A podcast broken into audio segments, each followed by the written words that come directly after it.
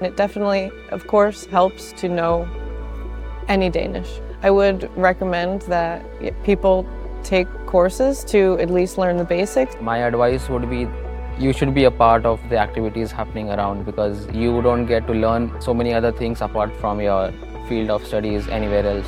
You're going to need a lot of rain clothes and make sure that you feel comfortable riding a bike.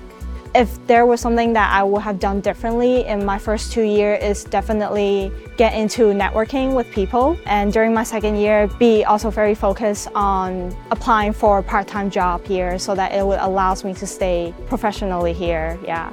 You should probably learn how to cook because it's kind of expensive to eat out here. Of course, get a student job as fast and soon as possible. Uh, having said that, it's not very easy try to you know increase your network. There are many uh, different uh, programs here for uh, graduates and like people who are studying here. In preparation for the winter depression i would definitely tell them to maybe bring something that reminds them of home. In winters it's it, it becomes dark very early.